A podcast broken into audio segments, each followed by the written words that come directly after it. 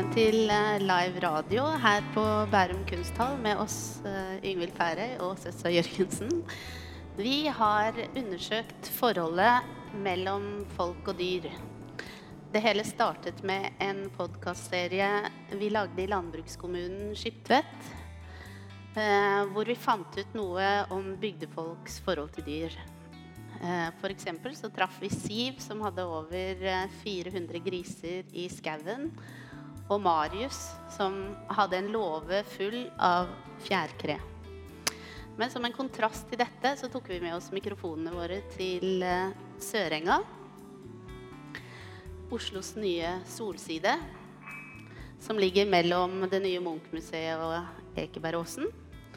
Et tidligere industriområde som nå er omgjort til boliger. Og det er over 700 leiligheter på Sørvenga, Sørenga på denne utstikkeren. Og det er nesten like mange mennesker som bor der, som i Skiptvet kommune. Vi lurte på hvordan folks dyreinteresse utartet seg på Sørenga. Og det skal dere få et lite innblikk i i denne halvtimen. Eh, som også kommer til å bli en episode i podkastserien Folk og dyr.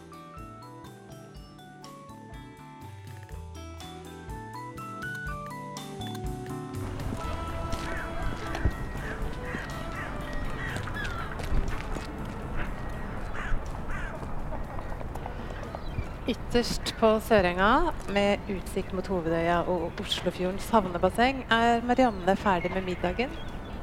Hun går opp trappa til fuglerommet, der hun har tapetsert sin lidenskap i rødt og grønt.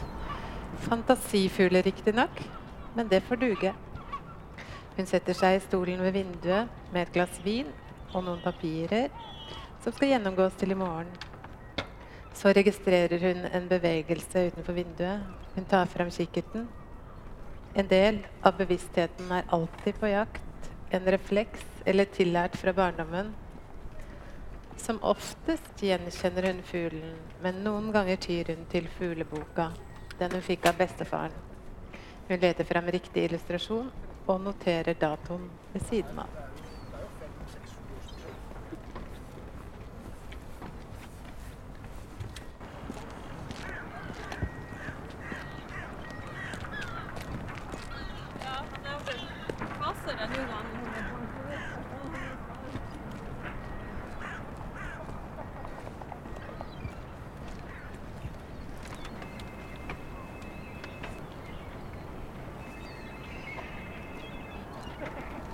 Hei, det er tredje etasje.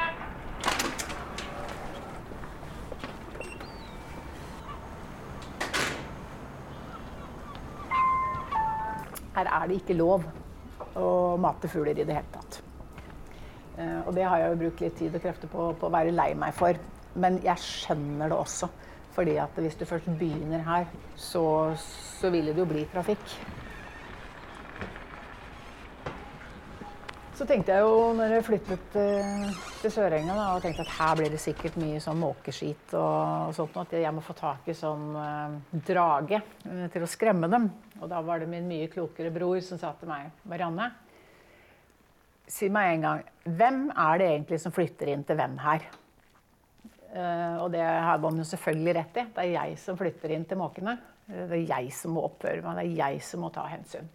Så jeg tror at vi bare har en, en deal, og jeg har ikke noe problemer med noen ting.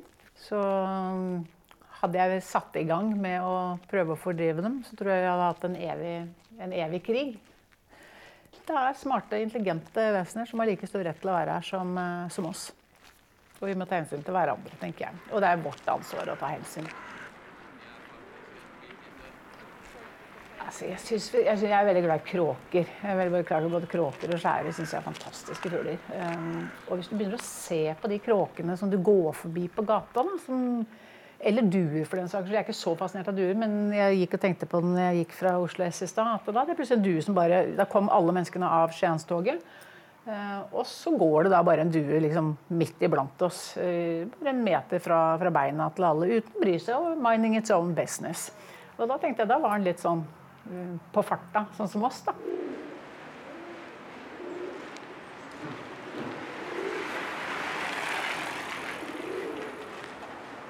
Men disse kråkene som du da ser, de jo, er jo veldig stedfaste. Så når du ser de ute på gata, så er det jo, de hører til der.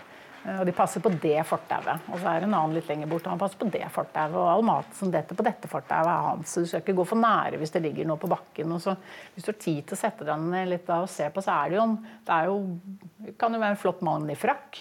Eh, med en stor personlighet, og du ser at han er liksom noen, liksom, noen ruler. Det er noen som, som eier dette området, og, og, passer, og, og, de bryr seg ikke om oss.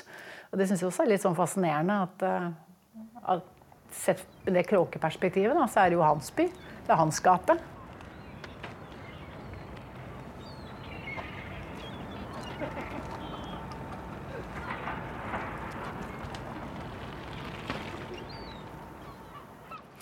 Her er det fantastisk med ærfugl, f.eks. Se hvordan ærfugldrakta endrer seg med sesongen. Nå er de jo i, i praktdrakt av ærfuglhannen.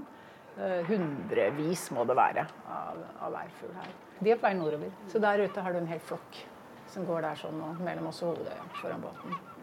Nå har jeg faktisk lest at et av de aller største problemene for fugler er glass. Glassfasader, glassgjerder, glass Alle de glass flatene som fugler naturlig nok ikke kan se. Eh, og jeg leste tall på at de regner med at mellom 2 og 10% av alle fugler i USA for eksempel, dør av å fly i glassruter. Det er ikke noe grunn til at tallene skal være noe spesielt annerledes hos oss. Nå ser vi den store ærfuglflokken som er ute og fløy i stad. Nå ligger den rett utafor vippa der. Akkurat uh, utafor. Se hele beltet over til Hovedøya er nå fullt av ærfugl. Men det er jo veldig mye sånn lek, og så er det mye vind her. Opp langs fasadene. Så kommer måka etter kråka, og så slåss de om mat. Så det er liksom så veldig mye sånn akrobatikk. Som jeg også syns er veldig fascinerende. Altså, De er jo intelligente som sjimpanser. Du veit jo det at de bruker verktøy. Du veit at de og de kan, Kråker kan bruke, liksom, gå gjennom syv forskjellige operasjoner for å få ut mat. Og, så du vet, Det er lekende, smarte fugler. Og når jeg ser de står her mot vinden, for eksempel, så er det klart at det er gøy. Kjempegøy å drive med sånn stupdykking og villmannsflyving. Så lettere lepper fugleflokken igjen. Blir din inn der sånn.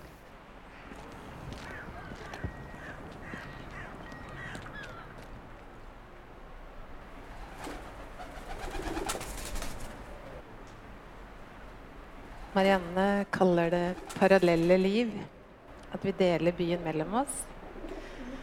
Kråken og vi haster til vårt, oppslukt i hver våre gjøremål, enten det er alvor eller lek. Av og til krysser vi hverandres spor.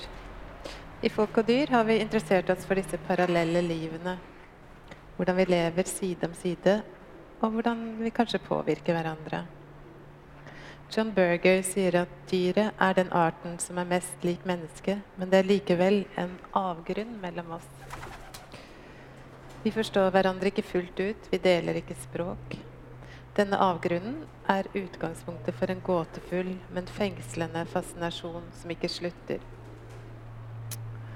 Hvis vi likevel forsøker å skifte perspektiv et øyeblikk, hvordan ser byen ut fra kråkene eller duenes synsvinkel? Hvordan ser vi ut fra deres synsvinkel? Visste dere forresten at kråkene som bor utafor Oslo by, de sover på Karl Johan i trærne om natta fordi det er tryggere der? Fugler er en del av eh, byens ville dyr, og glassfasader er deres verste fiende, sier Marianne. Dyr reagerer på urbanisering men de tilpasser seg også bylivet og bymiljøene. Og lever der til tross for måten vi mennesker organiserer omgivelsene våre på. F.eks. så deler vi opp dyrs leveområder, så det blir vanskelig for dem å komme fra sted til sted og møte flere av sitt slag. Derfor så kan det bli lite genetisk variasjon for dyreartene. Og da blir det jo problemer med innavl. Men selv om vi gjør det så vanskelig for dyrene, så trenger vi dem også. Det er mange tjenester som dyrene gir oss som vi ikke får løst på andre måter. F.eks. så ville vi jo ikke fått fine blomster på trærne og i parkene og heller ikke grønnsaker om vi ikke hadde hatt pollinatorer. Og fuglene de hjelper oss. De spiser myggen, sånn at vi får det mer behagelige og tar seg av kanskje gnager og andre organismer som vi ikke vil ha rundt oss. Så det er kanskje en god ting å bli minnet på at vi ikke er alene på kloden, og at det bør legges til rette for et større artsmangfold også i byene. Kan byene bli stedet vi opplever natur? Jeg hørte på radioen at eh, placebo også virker på dyr. Hvis man gir mus sukkervann med medisin, og så tar medisinene ut av sukkervannet, så vil musene fortsette å bli friskere av det. Vi er henvist til å tolke dyra, men hvordan vet vi hva de sier? Tilbake til fugleperspektivet, da. Så sa hvis du var fugl i byen i Oslo, hvor ville du eh, bo? Antageligvis ville jeg vel finne meg et sted å bo høyt oppe, kanskje i toppen av et tre. Men hvis det ikke var noe trær, så ville jeg kanskje vært på toppen av en høy bygning. Og gjerne i, sted, i nærheten av et sted hvor det var mye rot og rask og saker og ting jeg kunne bygge reir av. Kanskje i nærheten av en restaurant som hadde en stor søppelkasse på baksiden, så jeg kunne få mat. Ja, jeg ser at det er mange muligheter. Men eh, nå skal vi fra fuglene over til hundene. Og vi skal møte Eva, som ble forferdelig skremt av en hund da hun var liten. Og denne skrekken, den satte seg i henne og var et problem for henne i over 40 år. Det ble nesten et sosialt traume, men nå kan hun le av det. Og hun sier at hun elsker alle slags hunder. Og for seks år siden så flyttet hun til Sørenga med en liten dagsvalp som heter Giggs. Og han har utviklet seg til en ekte byhund. Og sammen så tar de mange turer i nærmiljøet.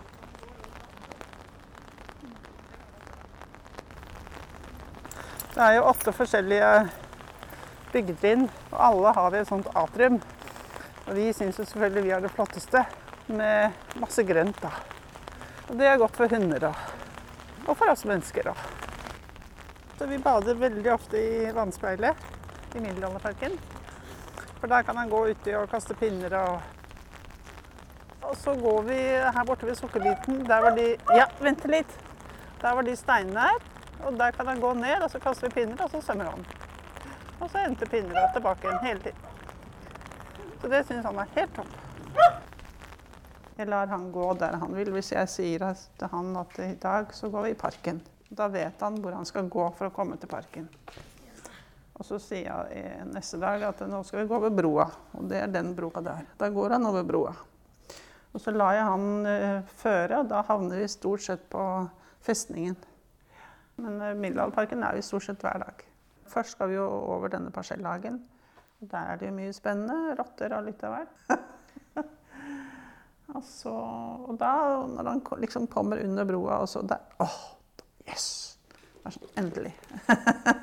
og løper rundt og frem og tilbake overalt. Og så innimellom, så, hvis det er noe spesiell lukt altså, Fælt å si det, men innimellom så ligger det noen døde måker der borte. Og da, hvis han får lov, så kan han liksom velte seg, gni seg godt i de.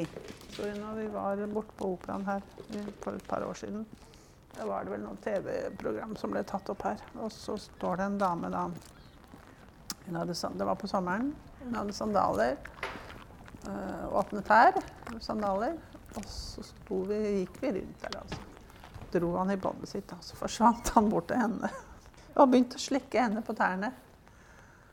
Ah, så måtte jeg si at unnskyld meg, sa jeg, men dere skjønner han er så glad i tær. Har du smurt inn tærne dine nå, måtte jeg spørre deg, for det er liksom det beste hvis du har smurt deg inn med krem. Da går liksom Når du starter nederst, så går det oppover. Ja, hun hadde jo det, da. Jeg syns jo det var litt sånn spesielt, da.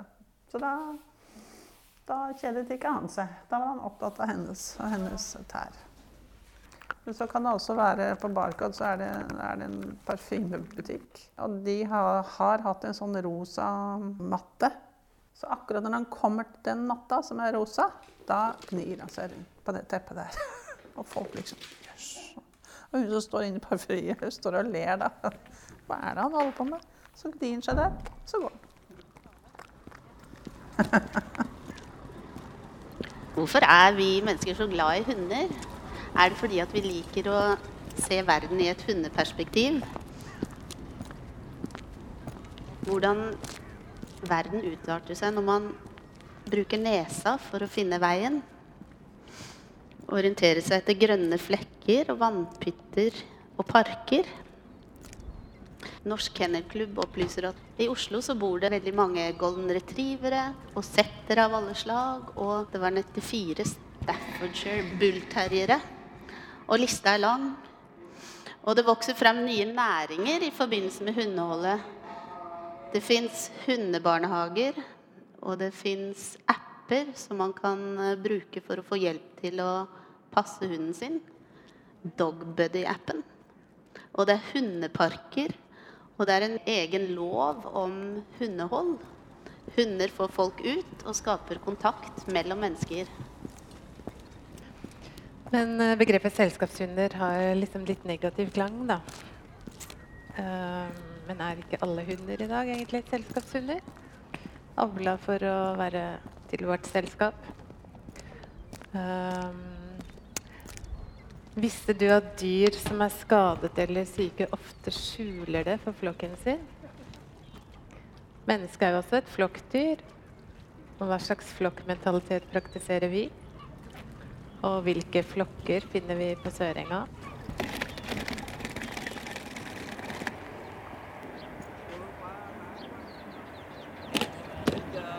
thấy tao à, cái cái rồi uh, máng cái cái, cái cực ổng ổng ổng kéo lên.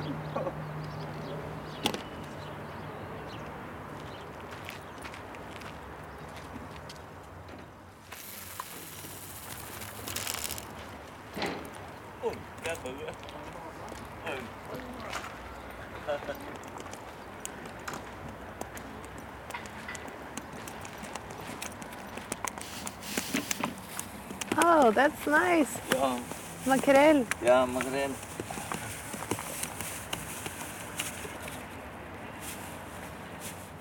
Ja. Поймал ты. Ja. О, видишь, поймал.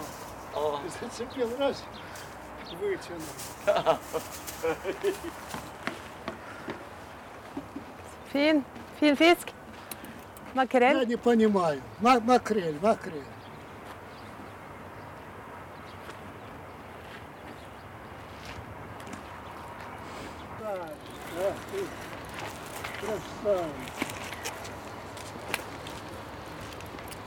Ah, en makrell. Эх, красавец.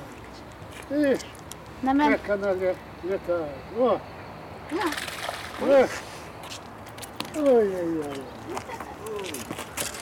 Вот это рыба. Красота. Вот.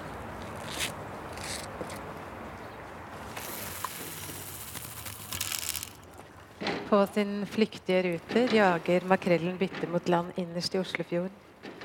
I morgengryet står en trofast gjeng nede på Lohavna. I full konsentrasjon. Med ryggen til trafikkmaskinen håver de inn fisk etter fisk. De enser ikke Marianne, som haster til jobb et par kvartaler unna, eller Eva og Dagsen Giggs, som skrår over Losetra på vei til Middelalderparken. Mellom mennene står bøtter som fylles med sprellende fisk. Fuglene følger dem med blikket. Lokket settes på for å hindre svinn. Etter hvert kommer Faisal-syklene. Hver dag før jobb tar han turen innom kaia. Men nå er det ferie, og han har god tid.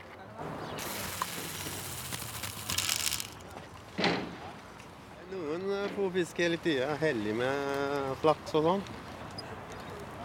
Og noen får i nesten ingenting. Noen får dame, noen får ikke. Det er ikke det, ikke det vanlig?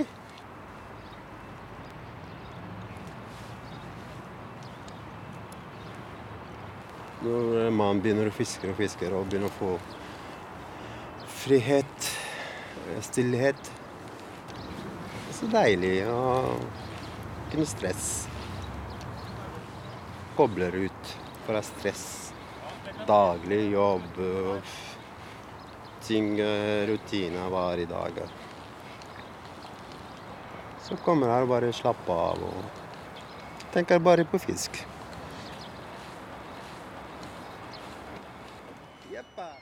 I- Et eksempel i fjor har vært eh, fra april, liksom. Eh, Sommer kom så tidlig. Og da fisker vi tidlig. Og i året fra 1. mai og noe sånt. Og da begynte stå og fiske. Og da kommer faktisk makler i mai.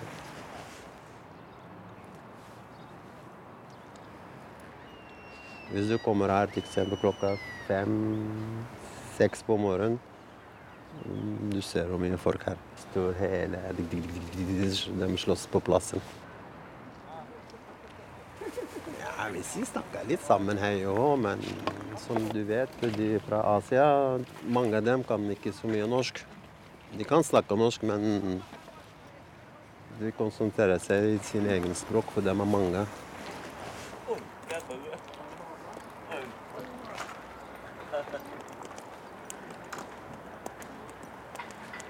Ja, jeg har fått noen spørsmål eh, tidlig på morgenen når folk skal på jobb. De bor her. De går den veien. Ja, 'Spiser dere fisken der?' Ja.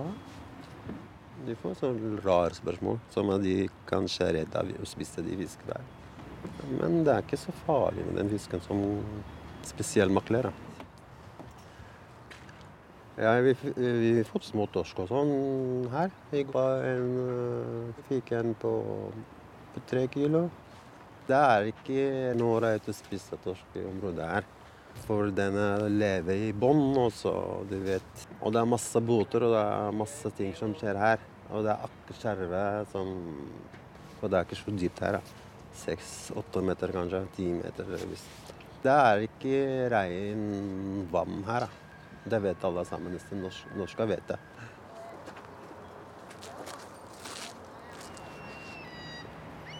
Det er koselig sted. ikke sant? Ja, jeg syns det blir min plass på en måte. Min sted, da. Slappe av og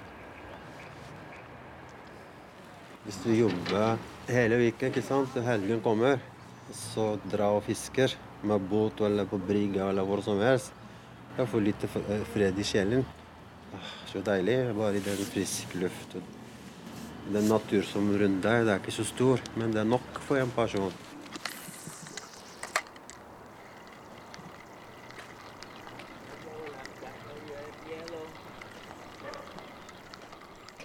Faisal og hans gjeng har funnet sitt fristed. Sitt rekreasjonsområde på baksiden av Sørenga, mellom byområder som er regulert for ulike formål. Mens Marianne faktisk bor midt i det som skal være rekreasjonsområdet. Få meter fra Sørenga sjøbad, som er overfylt av støyende mennesker i sommerhalvåret. Heldigvis for Marianne er det stor himmel utenfor vinduene, og lufta er jo fri for alle. Eller Oi, der kom det visst en drone. Hun Giggs på sin side kan ikke fordra å gå tur på Sørenga sjøbad. Og dets stramt designede flater, den trekker Eva i helt andre retninger. Hvor lenge får Faisal og gjengen bli der de er? Når blir det trygt å spise torsken, også for nordmenn? Eller sett fra et fugleperspektiv?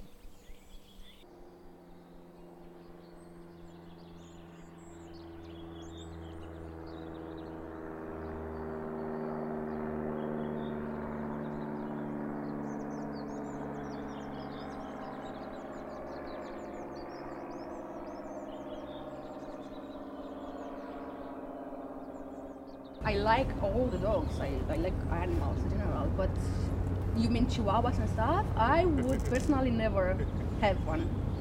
But I uh, like uh, before we adopted our dog, all our friends that had animals, when they were going in uh, holidays, they would Yeah, give yeah. it to us because we're Yeah, lovers and we always uh, so to take care or if I would see around to help, of course I would happen. But to have my own little chihuahua, I don't. I, I, it's not me.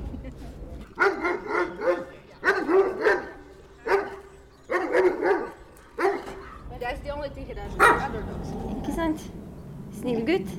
Ja. Mamma sin snille gutt. Ja. Tenk dere at det er et felles mål å bevare flest mulig arter, og at det å omgås dyr blir sett på som noe helt nødvendig, og at dyr blir behandlet likestilt med oss. Hvordan ville byen da sett ut? Vi stilte noen spørsmål til fagfolk. Og fagfolkene de svarte. Man må fokusere mer på å skape et nettverk av grønne områder som dyrene kan spre seg mellom. Flere urørte naturområder uten gjennomgående turveier og kunstig belysning som forstyrrer dyrene. Flere store trær. Bekker og elver vil være åpne og ikke lagt i rør. Rufsete hager i stedet for gressplener. Det blir et eldorado for ville dyr og insekter. Samlingsplasser som drikkehull og trær kunne være dynamiske og takt med naturens indre kvaliteter. Plass til bevegelse på naturlig underlag, slik som gress, sand, fjell, stein og grus, ikke bare asfalt. Og orienteringen i byen kunne gå etter beiteområder, drikkeområder, spesielle vekster. Og når noen steder blir nedslitt, så måtte man finne et helt nytt sted. Eh, Dette fremtidige kulturlandskapet vil være noe helt nytt, verken menneskelig eller naturlig. Det er umulig å se for seg hvordan et slikt mangfold vil utarte seg. Men det vil bidra til mye mer spennende, morsommere og mye mer komplekse landskap, bylandskap, enn det vi lever i i dag. Og som sikkert mange mennesker lett kan finne masse mening i. Men hvordan kan dyr hjelpe oss mennesker å gjøre byen mer bærekraftig? Hva kan vi lære av dyra om byen? Og hvordan forstå hva dyrene forteller oss? Må menneskene bli dyriske? Vi tenkte kanskje at dere hadde noen refleksjoner omkring det, som dere kunne dele med oss. Vi har en mikrofon der ute, hvis noen har tenkt noe på det med dyrenes plass i byen. I fremtidsbyen. Vil vi f.eks. Uh, like lukta som uh, kommer hvis vi tar hensyn til dyra i større grad? Vi måtte kanskje gi avkall på litt komfort. Menneskelig komfort. Jeg uh, tror kanskje jeg hadde foretrukket å være en uh, rotte. Hva ville du vært? Sa du rotte? Rotte? Nei, Det å være fugl virker ganske greit. Andre dyrefantasier? Kristin, du har jo en sånn gammel sirkusbakgrunn. Sirkusene holder jo til i byene. Ja. Uh, ja, når jeg var liten, så hadde jeg kamel på fôr. det var fordi vi ja, Arnardo hadde dyrene sine på gården der mamma kommer fra. Ja, Så det var egentlig ikke i by? Det var ikke i byen. Nei. Men du fulgte Arnardo til, uh, til byen, kanskje? Jeg gikk jo alltid på Arnardo når Arnardo kom dit jeg var. ja. Men det er jo en helt annen måte å Du sa liksom hvilke dyr ville vært. Men jeg tenker uh, Jeg syns det er så flott at det fortsatt fins ville hester. Uh, at de løper rundt og er ville, akkurat som elg og rev og det syns jeg er så kjempefint å tenke på. Så det ville jeg vært. En vill hest på en sånn steppe et eller annet sted. En bysteppe? ja, tenk om det fantes ville hester i byen. Det er noe å tenke på. Stefan, du har noen tanker? Jeg tenker på middelalderen. Der bodde folk og dyr sammen i samme huset. Uh, kunne kanskje arkitektene legge til rette til en slik um, samlivsform igjen. Når man tenker å planlegge hus, ikke bare for mennesker, men for mange kreasjoner. Mm, spørsmålstegn. Ja, En av de forskerne som vi spurte, er faktisk middelalderforsker. Så hun som snakket om det med vannhullene og det, det kommer fra en sånn type refleksjon. Overføring av middelalderens bystruktur til dagens. Da. Og Siri? Ja, jeg bare når du kom med det poenget der, så kom jeg plutselig på at eh, for noen dager siden på Majorstua så gikk jeg forbi et sånn boligbyggeprosjekt. Og der sto det 'Hvem skal hjelpe Sigrid?' Vi bygger for naboer og innfødte. Og så tenkte jeg Aspelin og Ram. Så tenkte jeg hvem er de innfødte? Og det, jo, det er jo definitivt uh, fugler. Sølvkre. Sølvkre. og flaggermus. Så man kunne jo bygge sånne Altså at flaggermus kunne krype opp under der og bo og Jeg skal ikke gå videre på den innfødte diskusjonen, men jeg stussa over det. Men, men allikevel, det fins så mange sånne små grep man kan ta da, for, eh, for de som er ville, ville, såkalt ville dyr i byen. Det var jo eh, Marius, eh, en av våre informanter, som mente at i Oslo er det størst artsmangfold i hele Norge. Pga. nettopp sølvkre og diverse andre kryp. Alle de artene vi klarer å dra med oss når vi er ute og reiser. Når du sa det, så kom jeg på at jeg så et sånt program fra Galapagos. Og der var jo dyrene først, og så bor jo menneskene sammen med dyrene. Eh, så det, dem har jo klart å løse det på en sånn fin måte at eh, hvis det allerede sitter to seler på en benk, så er den full. Da må du finne deg en annen benk.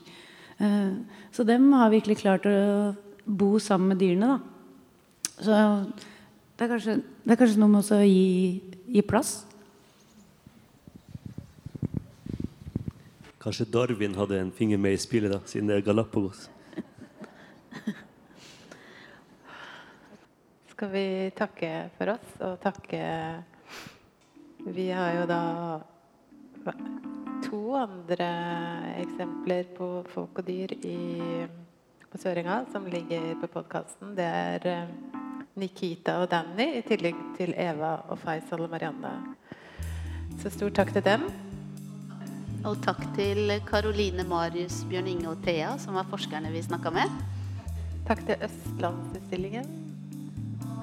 Og takk til Notam og Oslo kommune, som har bidratt med litt kroner. Og tusen takk til dere for at dere kom hit i dag. Og takk til vår lydtekniker Silence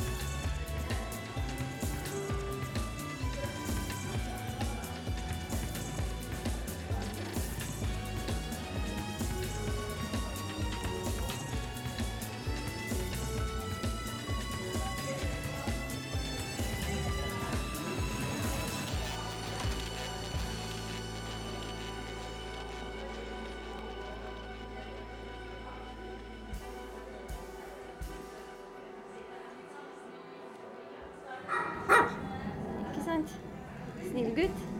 Ja, mamma sin snille gutt.